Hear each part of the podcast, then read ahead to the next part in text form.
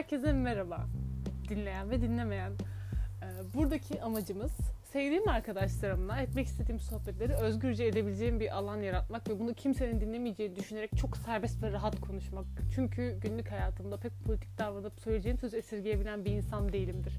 Ve artık bir şey yapmak istiyordum. Podcast'in tam benlik bir şey olma karar verdim. Çünkü konuşmayı dehşet severim. İleriki bölümlerde de göreceksiniz ki sürekli insanların sözünü kesip sadece ben konuşacağım. Arkadaşlarımı da çok severim ve muhabbetlerimizin çok iyi olduğunu düşünüyorum. Umarım siz de öyle düşünürsünüz. Şimdiden iyi dinlemeler.